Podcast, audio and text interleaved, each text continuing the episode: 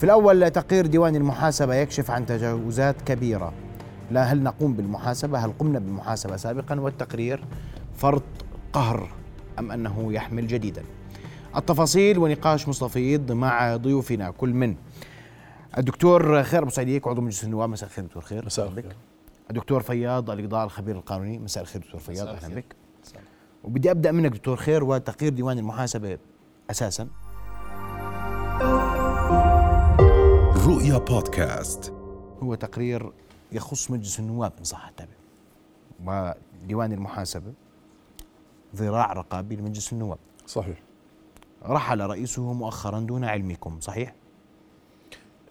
بدي أجاوبك على هذا تفضل علق لي أول شيء على على على مغادرة رئيس أول شيء مساء الخير لك ولجميع الإخوة المشاهدين. أهلا بك. وأشكرك على هذه الاستضافة الكريمة. الحقيقة أن تعيين رئيس ديوان المحاسبة وأي حالته على التقاعد محكوم بموجب المادة الخامسة من قانون آه، ديوان المحاسبة. والمادة الخامسة تقول أن تعيين رئيس ديوان المحاسبة يتم بموجب إرادة ملكية سامية وبموافقة مجلس الوزراء. أما إحالته على التقاعد أو عزله فهو الحقيقة يجب أن يتم بموافقة مجلس النواب إذا كان مجلس النواب منعقدا. والحال اللي أمامنا اليوم إذا بنتحدث عن الشق الفني القانوني المجلس لم يكن منعقدا. فالماده القانونية تقول إذا لم يكن المجلس منعقدا يتم إحالته على التقاعد بموافقة جلالة الملك بناء على تنسيب من مجلس الوزراء. وهذا ما تم أن مجلس الوزراء قد نسب به لأن المجلس لم يكن منعقدا. هذا بالمحتوى الفني القانوني المعمول به. لكن على المحتوى السياسي أنا باعتقادي كان الأصل الحكومة أن تتريث لحين انعقاد مجلس النواب وتأخذ موافقة مجلس النواب سيما أنه لا يوجد شيء هناك طارئ يدعو إلى إحالة السرعة على إحالة رئيس ديوان المحاسبة إلى التقاعد أو إنهاء خدماته. فإجابة على سؤالك الإجابة الواضحة والمباشرة فيما يتعلق بالشق الفني والقانوني الإجراءات سليمة وهي تنسجم تماما مع المادة الخامسة من قانون المحاسبة بالإطار السياسي أنا يعني لو كنت في الحكومة لربما نصحت الحكومة بأن تتريث آه، لحين عودة مجلس النواب في دورته العادية وأخذ موافقة مجلس النواب. لكن هل يوجد مخالفة قانونية؟ الجواب لا يوجد مخالفة قانونية. طيب لا يوجد مخالفة قانونية لكن يوجد خلاف سياسي. صحيح. ما حدث إن صح التعبير. صحيح. وأنا سأستعرض وإياكم أبرز القضايا التي أثارت جدلا في تقرير المحاسبة لعام 2021 ويعني هذه القضايا هي عديدة كثيرة اخترنا جملة آه، منها آه، لغايات العرض لا أكثر. وأنا دكتور فياض سؤالي لك قانونيا.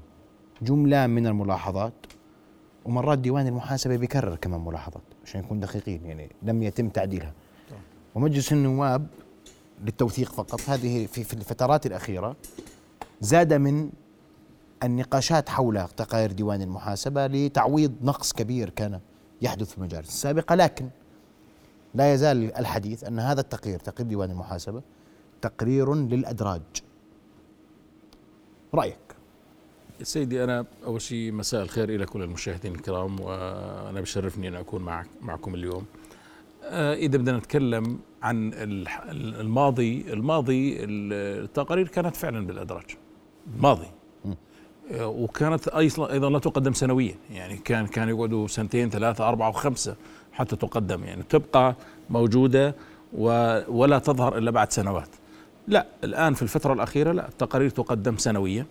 ومجلس الوزراء آه، مشكل لجنة برئاسة وزير الدولة لشؤون رئاسة الوزراء ومعه ناس مختصين من من الجهات المختصة فيهم ديوان المحاسبة ويدقق في المخالفات التي ترد. في مخالفات جسيمة في مخالفات يمكن تصحيحها بقرارات إدارية بس في مخالفات ترقى إلى الجرائم وتحال ويعني خلينا نكون منصفين شوي. الفترات الأخيرة لا أحال يعني مجلس الوزراء أحال قضايا لهيئة النزاهة ومكافحة الفساد لاستكمال التحقيق وجمع البينات وتحقيقها وحلتها للمحاكم. وفي قضايا أحيلت مباشرة يعني أحيلت للنائب العام. من مجلس الوزراء مباشرة بجوز كانت بياناتها مكتملة. آه، محتوى التقرير يعني يشمل أمور بسيطة نعتبرها ممكن تتصحح بدون آه، ما يعني ما يتخذ إجراءات. لكن في بعضها لا آه، التصحيح الإداري لا يكفي لأنه لما يقع الجرم والفعل الجرمي بيكون في عندنا يعني خلص تكاملت عناصر الجريمة من وجهة نظر على الأقل النيابة فيحال إلى الهيئة وإلى المحاكم. آه لا أنا ما بتفق بجوز بالفترة السنتين الثلاثة الأربعة الأخيرة آه يسلم لمجلس الأعيان مجلس النواب مجلس النواب عنده صلاحيات مرات بيكون الخلل في التشريع. هنا أيضا المفروض هذه نقطة إحنا بنشوفها وقائية يعني سواء مجلس النواب آه، إذا رأى إنه والله في خلل يعني تكررت المشكلة في في التشريع نقص في التشريع ممكن يقترح تعديل قوانين. الحكومة نفسها ممكن عن طريق ديوان الرأي والتشريع إذا وجدت إنه والله في آه، في دائرة ما تكرر الاختراق من خلال نقص في التشريع. أيضا يتم تعديل التشريعات لكن الديوان آه، تقريره يمحص من من اللجنة في مجلس الوزراء ويحال إلى الجهات المرجعية. أنا بحكي عن الوقت الحاضر الوقت الحاضر. طب بس اسمحوا لي أنا دكتور خير يعني ومن جملة القضايا التي أثارت جدل 54 دجاج طن دجاج مجمد غير صالح للاستهلاك من العقبة إلى عمان 204 ألاف دينار كلفة التخلص من مخلفات حج الحجر الصحي بفنادق البحر الميت وعمان نعم. أرقام ضخمة. ما إحنا إحنا بنحكي عن موازنة مخنوق. 15 طن من القمح من القمح الفاسد لما اجينا نتلفهم طلعوا تراب أحمر. يعني وين راح القمح؟ ما بنعرفش. نعم. ما بنعرفش. يعني عشان نكون دقيقين.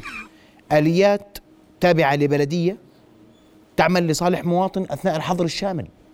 يعني في ملاحظات تخليص على 250 طن من الأرز المخلوط بالمبيدات يعني هذه ملاحظات كيف 88 مليون دينار مستحقات على وزارات ومؤسسات حكومية للضمان الاجتماعي نعم. اللي برضه روحنا مديره عشان نكون متفقين 15 مليون دينار حفر أبار غير صالحة. هذه أموال الدولة. مدير عام لشركة في الأردن براتب 4080 دينار دون أسس. إحنا بنقول عن الوظائف القيادية والتعيينات وما إلى ذلك. العقبة تدفع سبعة ملايين دينار رواتب موظفين في شركة أخرى أو شركات أخرى. هذا معقول؟ هذا مقبول؟ طيب. الآن في جملة من القضايا حولت إلى المحاكم. صحيح. عشان نكون منصفين كما ذكر الدكتور فياض. لكن وهذا إجراء مشكور وسليم كويس ما نعرفش النتائج ننتظر قرارات القضاء. وراح أحكي في بعض هذه هذه القضايا. لكن هذا كم من ملاحظات وإن كان بسيطا بس مجموعه يكون كبير. صحيح.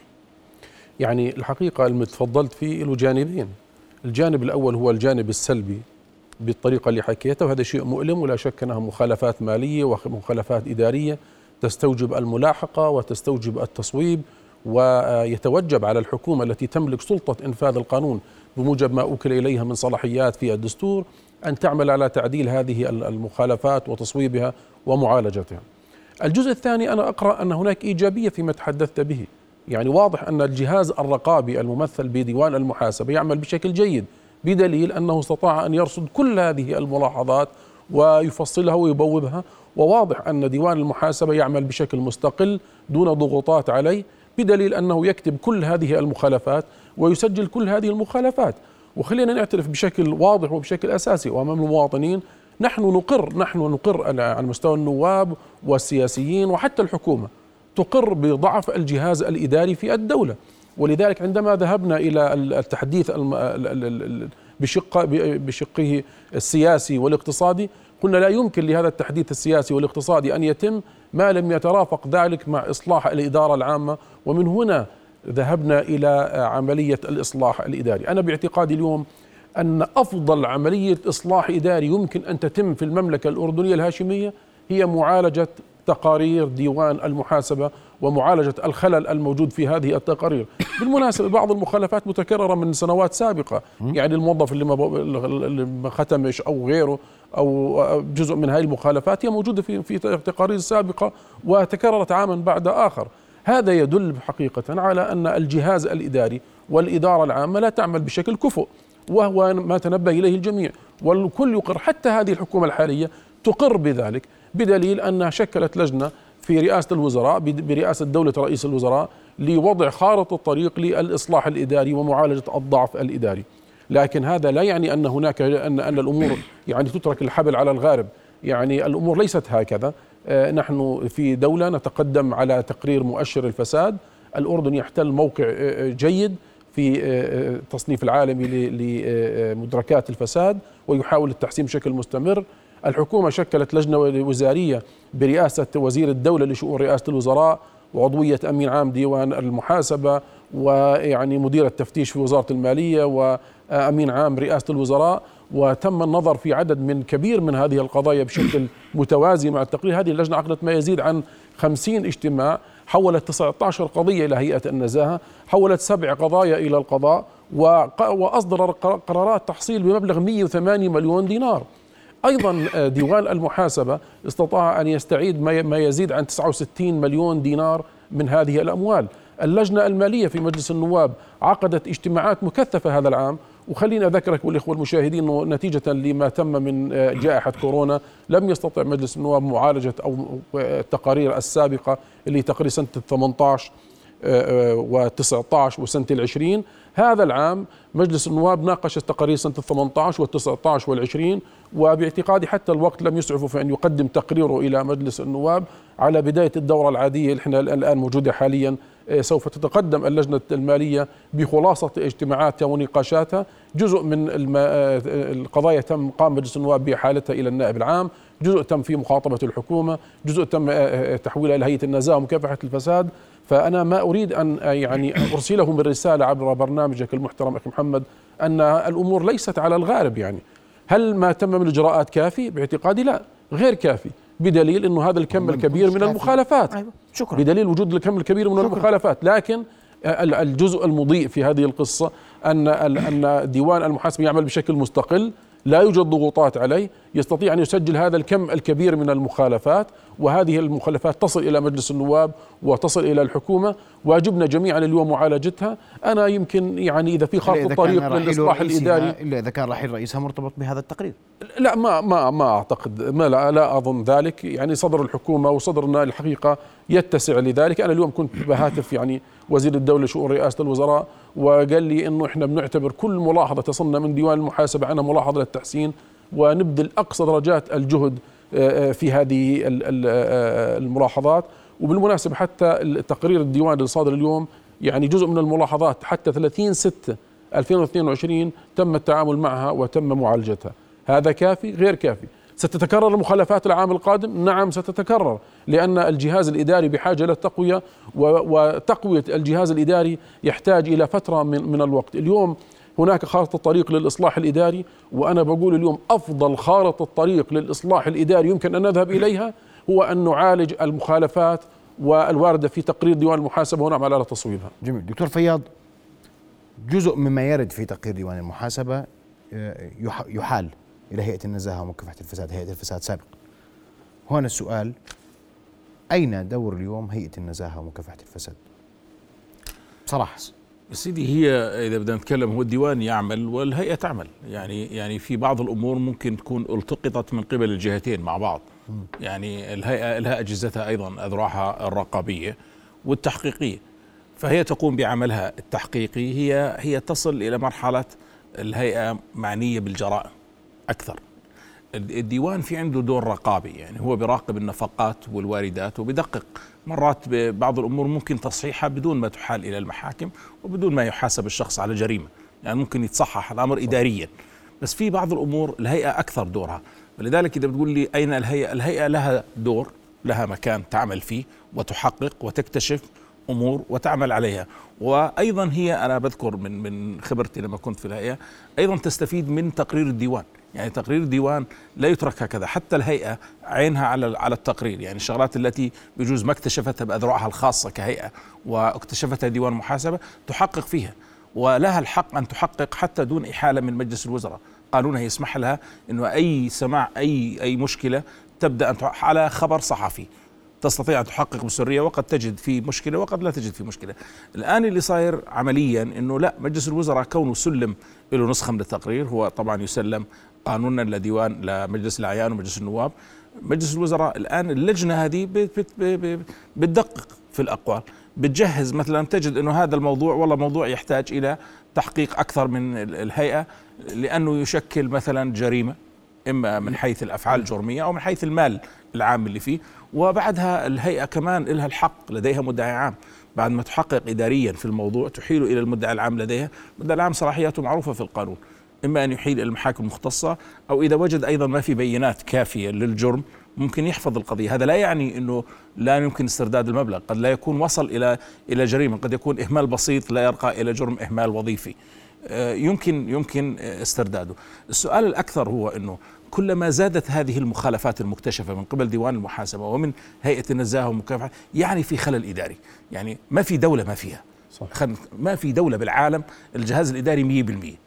لا بأمريكا ولا ببريطانيا ولا بكل دول العالم. الدول اللي في اللي في مقدمة الدول اللي بتحارب الفساد في عندها مخالفات لكن مقدار هذه المخالفة قديش؟ إذا زادت معناته أنا وين أجهزة الرقابية الوقائية؟ أنا ما بدي بعد ما توقع المشكلة وبعدين نصير نطالب بجرائم ونحول ومحاكم وإلى آخره وقد لا نسترد المال العام. يعني في قضايا كثير ممكن نسجن الشخص ثلاث سنوات ونسجنه كذا لكن بجوز ما عنده أموال.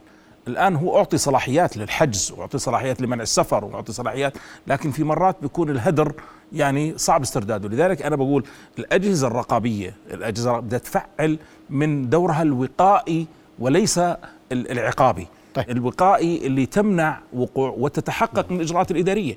يعني اليوم مثلا كل ما كان الناس كلها بتحكي كل ما كان الاتصال أكثر وتعقيد الإجراءات الإدارية بصير المواطن العادي آه، بيبحث عن يمشي أموره فبدفع رشوة. بينما لو كانت مثل الأمور أكثر الكترونيا مثلا وما في اتصال مع الموظف لا إجراءات واحد اثنين ثلاثة أربعة إذا أنا بدي أحسن من أداء الإداري وهذا يصب في اللجنة تفضل عنها آه، سعادة النائب وحكى عنها إنه يعني إحنا بدنا نطور إداريا بحيث نقلل من احتمالية وقوع الفساد وليس محاربة الفساد لكن سيبقى موجود الفساد. المشكلة كم؟ النسبة.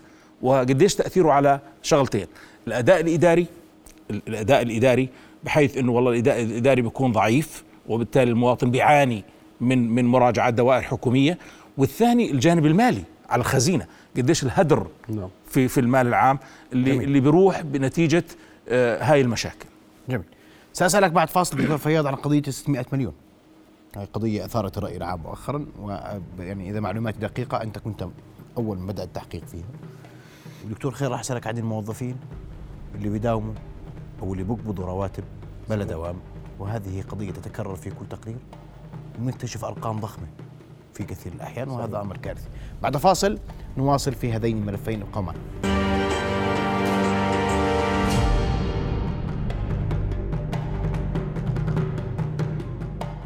نواصل حوارنا وضيوفنا الكرام وتوقفت معك دكتور فياض وسؤالي حول 600 مليون دينار. خبر أثار الأردنيين لإحدى الشركات الخاصة عشان نكون دقيقين. لكنه حدث فساد. وفي قرار محكمة بحكي فساد اليوم بكل بكل حريه لأنه في قرار محكمة نهائي. هاي قضية كنت أول من حققت فيها. يا سيدي اولا إحنا خلينا نكون من الناحية القانونية. قرارات المحاكم إحنا ما بنعلق عليها لكن القرار أما وانه القرار صدر صدر وتم الإدانة. يعني الحجم اللي المحكمة تكلمت فيه آه، في فترة من الفترات بالأردن إحنا كان في عندنا تأسيس شركات مساهمة عامة بالذات في مجال العقار. والمشكلة اللي صارت كيف؟ إنه يعني هذه الشركات كانت تبدأ بتطلب رأس مال مجموعة مستثمرين يضعوا مبلغ معين بحطوا مثلا 25% 30% وبطلبوا من الناس الآخرين اكتتاب. فالناس كانت تقبل لأنه في فترة من الفترات كان في يعني بالاقتصاد آه، نهضة. أكثر من نهضة يعني أكثر من عشر سنوات وبالتالي كانت تحقق كان يتبلش بالسهم بدينار وكانت الناس بعد سنتين ثلاثة بتبيع بثلاث دنانير وبالتالي اللي عنده مئة ألف بصيروا 300 ألف واللي عنده مليون بصيروا 3 مليون. وبعدين بنعمل علاوة إصدار آه، بنرفع السهم شوي. يعني في في أمور فنية في قانون الشركات بتأدي إلى أنه آه، الناس اللي بدها تشتغل بطريقة خاطئة بتقدر تعمل فلوس من الناس وبالتالي تيجي في لحظة من اللحظات كمان المشاريع. يعني هذه الشركات العقارية كانت مثلا آه، ممكن تشتري عقارات معينة بترفع أسعارها. ممكن تكون هذه العقارات مملوكة من شركات في تعارض مصالح. ممكن تكون شركة مملوكة من ابنه من من إلى آخره. وبدل قيمتها X بتصير 3 X ولا كذا. يعني الأرقام اللي كان فيها هدر والمحكمة توصلت لها عن طريق خبراء أرقام للأسف يعني آه، وضحت إنه الرقابة على الشركات بالذات المساهمة العامة في ذلك الوقت أنا بتكلم ولا أتهم شخص ما بالرقابة. كانت آه، يعني غير فعالة غير فعالة. وما كان اتجاه ال ال ال الإنشاء في ذلك الوقت هو الاستثمار لأنه بدليل إنه آه، مش بس هذه الشركة المعنية في شركات أخرى أيضا. ما شفنا حقيقة نهضة عقارية ناتجة عنها. يعني يعني إحنا نتكلم نتكلم عن عن شركات رأس مال وصل ل 50 مليون وأكثر. وهذا بس رأس المال طبعا. في طبعا ال- ال- ال- الشركات مش بالضرورة تشتغل برأس مالها ممكن تستدين. بضمانات أخرى. طبعا. فالأرقام الكبرى هذه يفترض انه يكون في عوائد أكثر. يعني الناس في فترة بسيطة ارتفعت الأسهم تم البيع من قبل بعض المساهمين الرئيسيين عملوا ريع بشكل جيد يعني نتكلم عن دينار المليون بثلاثة بثلاث دنانير بثلاثة مليون. ولما تتكلم عن أرقام أكبر من هيك معناته صار في آه، تربح تكسب على حساب المساهمين. وفجأة فجأة هذا البالون اللي كان منفوخ كبير فجأة بينفجر ولا ما في شيء. فتجد إنه ما في شيء. تلقى السهم رجع في بعض الشركات ل 16 قرش و20 قرش. قرش. آه. يعني بديش أحكي أسماء. أنا لا صار قرش كمان. في شركات صارت قرش بس وأقل. ر- رجعت رجعت. بالتالي هذا الكلام هذا النفخ ال- الإعلامي خلينا نسميه الشو يعني اليوم أنا بقدر أقول لك بدي أعمل شركة وأرسم لك يعني لا تتخيل شو المشاريع العقارية اللي بدي أعمل لك إياها وكلها على ورق. وبالتالي بقول لك أنا بدي رأس مال إضافي. ما بدي أستدين أنا مثلا بالشركة بدي أعمل أسهم أضيف اسهم أرفع رأس المال أرفع رأس المال مثلا إذا كان عندي أنا 50 مليون بدي كمان 50 مليون. 50 مليون في قانون الشركات بطلب عليهم علاوة إصدار نص دينار ولا ولا ربع دينار معناته أنا جبت هذا المبلغ إضافي وفجأة تجد إنه على الواقع العملي هذه المشاريع اللي على الورق كلها الأوتيلات والمنتجعات وال... ما تنفذ منها شيء. ما تنفذ منها شيء. لو تنفذ منها شيء كان صار عند الشركة موجودات وبالتالي ارتفعت أسهمها في الواقع العملي. وبالتالي حققت أرباح كثير من الشركات في ذلك الوقت. آه، مش شركة هذه الشركة أكثر من شركة. كلها نفخناها وكلها مجرد حكي ودعايات. وبالأخير المواطنين اللي كانوا يتسابقوا مشان يشتروا سهم من التأسيس أنا بذكر إحدى الشركات كانت الناس صافة على الدور مشان تاخذ أسهم تأسيس. تاخذ سهم تأسيس وبعضهم ما صح له. يعني اللي طلب مئة ألف بجوز صح له ستين ألف. تصور. وبالأخير فجأة بعد سنتين ثلاث كله بالهواء. ولذلك هذه الشركة كانت إلى حد ما كان في بعض من هذه المخالفات. في بعض المخالفات يعني صار منشور القرار ومعروف شو المخالفات المنسوبة لهم شراء شركات وهمية شركات من فيها تعارض مصالح. وكله يصب لمصلحة الإدارة. ولذلك تم احتسابها من قبل الخبراء في القضية ووصل الرقم ل 600 مليون. واليوم القرار طبعا آه، خلينا نتكلم كل القرارات اللي تصدر من المحاكم الدرجة الأولى قابلة للاستئناف والتمييز وبالتالي ممكن يعني كل بس شيء شو بيصير. مصير هاي الأموال دكتور؟ قانونيا؟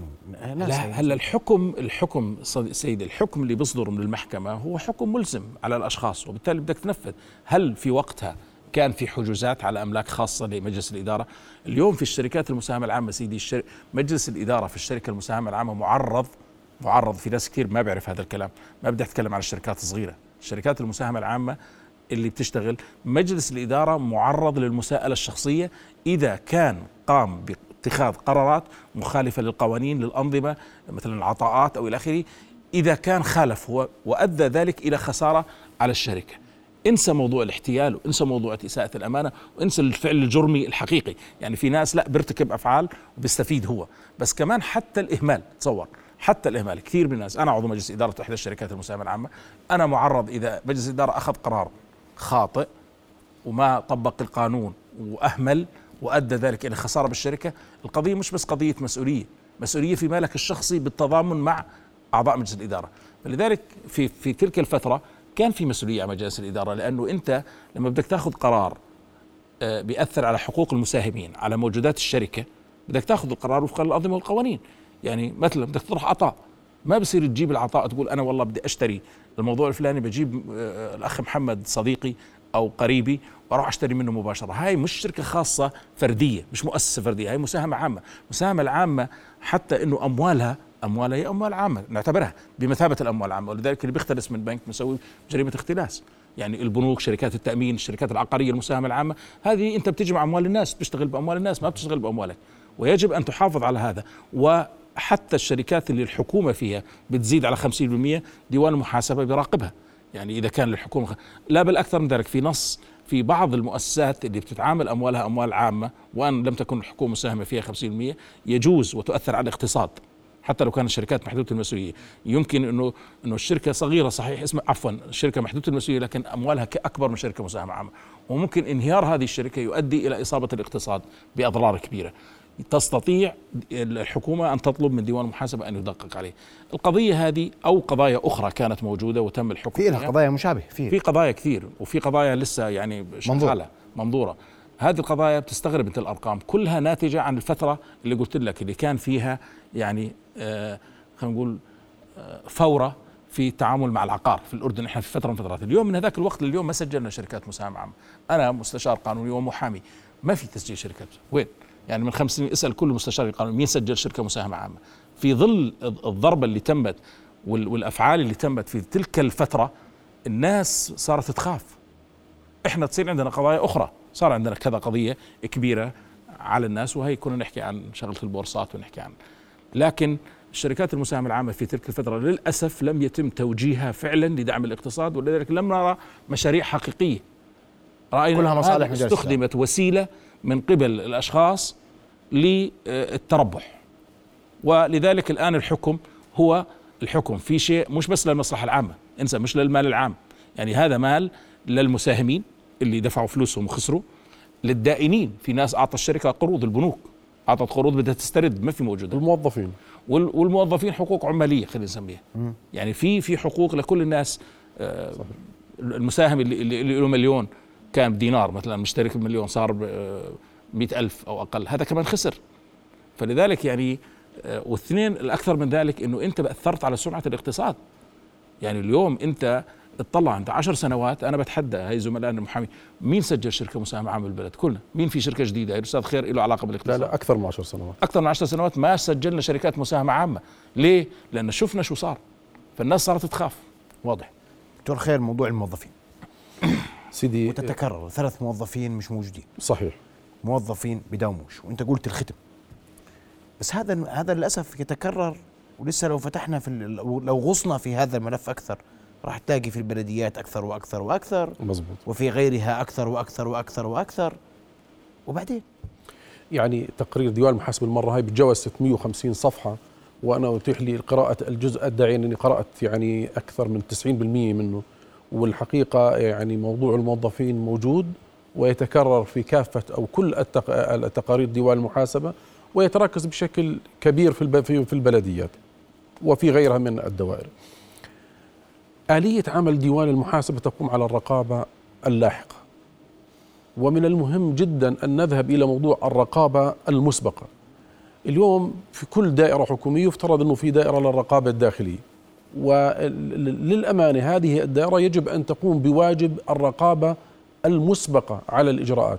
بمعنى اليوم ديوان المحاسب بيجي يعمل جولة تفتيشية أو إجراءات رقابية بيكتشف أنه موظف صار له ثلاث شهور مش مداوم مثلا. لكن الرقابة الداخلية تعلم منذ اليوم الأول أنه مش مداوم. وبالتالي أنا باعتقادي بالتوازي مع تقرير ديوان المحاسبة والجهد الكبير اللي بيقوم فيه ديوان المحاسبة يجب أن ننتبه إلى موضوع الرقابة الداخلية. أخي محمد بكل وضوح وبكل صراحة الإدارة الأردنية تسلل إليها في فترة من الأوقات وفترة ما يسمى بين قوسين الربيع العربي تسلل إليها من لا يحسن الإدارة. تحت عناوين كثيرة. بدك تسميها شلالية بدك تسميها محاصصة بدك تسميها أي شيء وتسلل إلى موقع الإدارة. وناس غير أكفاء. واليوم نحن نعاني من تبعات هذه التعيينات الجائرة التي تمت بوجه حق في ذلك الزمان. شو الحل بغير وجه حق. بغير وجه حق. مشان ما تتكرر شو الحل اللي عندنا؟ أنا باعتقادي آلية العمل التي يقوم بها ديوان المحاسبة غير كافية وحتى نصل إلى ضبط أدق من ذلك أنا بقترح شغلتين. الشغلة الأولى تفعيل أجهزة الرقابة الداخلية وأنظمة الرقابة الداخلية والأمر الآخر يمكن بحاجة إلى تعديل في التشريع بحيث أنه تقارير ديوان المحاسبة تأتي بشكل ربعي. أنا اليوم اليوم إحنا أجانا تقرير ديوان المحاسبة عن ال 21 واليوم خلينا نتحدث بصراحة الدورة العادية مدتها ست شهور. بمر منها شهر بين انتخابات رئيس وانتخابات لجان. وبدك تروح بعديها على الموازنة وإقرار الموازنة بدك كمان شهرين. وإذا في عندك كمان كم قانون زي الدورة الماضية انشغلنا بقوانين التعديلات الدستورية الكثيرة والمتتالية. يعني الوقت المتاح الحقيقة لقراءة تقرير ديوان المحاسبة لدى مجلس النواب محصورة محصور جدا. أصلا الحسابات الختامية بتيجي بشهر ستة. وبعدين بنكون دخلنا على دورة استثنائية إذا قدر أو نستنى لشهر 10 أو 11 للدورة العادية القادمة. فيمكن بحاجة إنه نطلب تقارير ربعية من من ديوان المحاسبة. وديوان المحاسبه بموجب المادة 119 من الدستور يجب أن يقدم تقاريره إلى مجلس النواب ومجلس الأعيان إلى كلا المجلسين عند بداية كل دورة عادية. لكن يحق لأي من المجلسين أن يطلب بأي وقت تقارير من ديوان المحاسبة. هذه كلمة يحق سلطة جوازية. أنا أقترح ربما إذا كان هناك تعديلات تشريعية أنه تقارير ديوان المحاسبة ترد بشكل ربعي ليش نستنى للسنة الجاية مشان نناقش السنة الحالية؟ بالإضافة إلى ذلك أن أنظمة الرقابة الداخلية ومديرية الرقابة الداخلية يفترض أن يتم الحقيقة منحها مزيد من الاستقلالية وأن لا ترتبط بمدير معين بل ترتبط بأعلى هرم المؤسسة الموجودة فيها وتقاريرها تصبح نافذة وتصل إلى لجان أكثر دقة. وأيضا آه، في هذا الإطار لا يفوتني كما تحدث الدكتور فياض أن نتحدث عن تقليل الإجراءات البيروقراطية. إحنا من زمان نحكي عن إعادة هندسة الإجراءات وبنحكي من زمان نحكي عن خدمات إلكترونية. هذا كلما قللت الاحتكاك مع الموظف العام قلت احتمالية الفساد. ونحن بالمناسبة لا نتهم كل الموظفين في القطاع العام بالفساد. الموظفون في القطاع العام أدوا خدمات جليلة للدولة وجلهم. هم موظفين محترمين ومواطنين أردنيين ملتزمين. لكن هناك قلة هي التي تقوم بهذه الأفعال. وجب علينا أن نحاسبها. والسلطة المطلقة مفسدة مطلقة. كلما كانت هناك سلطة دائمة دون رقيب ولا لا حسيب هذا يصبح مجال للاجتهاد ويصبح مجال لشرعنة هذا الفساد بحيث يصبح من ضمن الأنظمة وضمن التعليمات. ما أقوله أن هناك ثلاثة مسارات. المسار الأول تقديم تقارير ديوان المحاسبة بشكل ربعي. المسار الثاني تفعيل أجهزة الرقابة الداخلية وأن تكون هذه الأجهزة مرتبطة بهرم المؤسسة وربما بدرجات أعلى من من ذلك. وأيضا الذهاب إلى أتمتة الإجراءات وهندسة الإجراءات بهدف تقليل البيروقراطية وبكل تأكيد المسار الإصلاحي الذي تسير به الدولة الأردنية اليوم في المجال الإداري يفترض أن يؤتي أكله خلال يعني على الأقل بداية السنة القادمة أو منتصف السنة القادمة. نبلش نلمس آثار ذلك ونتخلص من بعض يعني التبعات اللي لحقت بالإدارة العامة والضعف اللي لحق فيها نتيجة ما سمي بالربيع العربي. دكتور فياض في سؤال أخير متى بنخلص من الفساد؟ ما راح نخلص من الفساد سيدي. اذا بدك تخلص من الفساد ما ما في ما في دولة يعني آه، يعني في القرآن. ربنا من خلق آدم وخلق بني آدم قال ليفسد فيها. يعني الفساد موجود لكن كمية الفساد أنا قلت لك ما في دولة. طب. المدينة الفاضلة غير موجودة. هاي النظرية. المدينة الفاضلة مش موجودة في العائلة فيه. فلذلك أن لكن أنا أنا بتجه إلى الوقاية زي ما تفضل. الاستاذ خير الوقاية يعني قبل وقوع الفساد. اثنين أنا في نقطة بس بدي أضيفها لكل الإجراءات اللي حكى أنا بتفق معه تماما في هذه الإجراءات. في نقطة غائبة عنا القائد القائد دائما في مؤسسة. أنا انتقاء وتعيين القائد المدير العام الوزير هذول الناس اللي هم يعني طريقة انتقائهم طريقة تعيينهم إيه، هذا الإنسان هو صمام الأمان الأول يعني ما ممكن يكون هو فاسد وبالتالي الموظفين صالحين.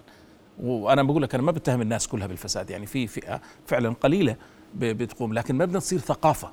يعني اليوم تصير ثقافة إنه أنا والله لازم أمشي حالي ارتشي ما هاي بدنا نخ... هاي نخاف منها. هاي لازم تصير دائما تظل هي الاستثناء. يعني في كل دول العالم حتى حتى دينيا نقول هذا الخطأ استثناء. لذلك القائد إحنا إذا بدنا نضل ننتقي ما بصير. يعني أنا مع إنه والله المدراء المسؤولين الأول في أي مؤسسة بيكون كفؤ في مجاله. ويكون أيضا تم اختياره على أسس. أسس. خلينا نخلص من شغلة الكوتات وخلينا نخلص من شغلة المحسوبيات. وشغل ما, ما هي ما, ما هاي ما بتساعدنا على مكافحة الفساد. لأنه الناس راح يشوفوا هو أصلا الإنسان اللي جاي الإنسان اللي جاي بطريق خاطئ. ما راح يكون صح. هو هو جاي بطريق خاطئ. الإنسان اللي جاي بطريق صح ما بيخاف. أنا جاي بكفاءتي جاي بإمكانياتي بالتالي أنا مش خايف على الكرسي. أما إن دوله معين بجهة معينة بدي احابي هاي الجهة احابي الشخص اللي عيني يعني بالتالي بدي أجامل. وهذه مشكلة كبيرة في مجتمع. والمجاملة فساد يجب أن يجب أن نتخذ قرار قوي وأن لا نتسامح لا مع الصغير ولا مع الكبير. هنا في هذه الحالة أنا بعتقد أنه نكون نخطو خطوات جدية إلى مكافحة الفساد. دكتور خير ودكتور فياض أشكركم كل الشكر على وجودكم معنا. علقتم على تقرير ديوان المحاسبة وأيضا على ما تبدأ مؤخرا من قضايا فساد في آه، المملكة. شكرا لكم شرفتوني بالحضور رؤيا بودكاست.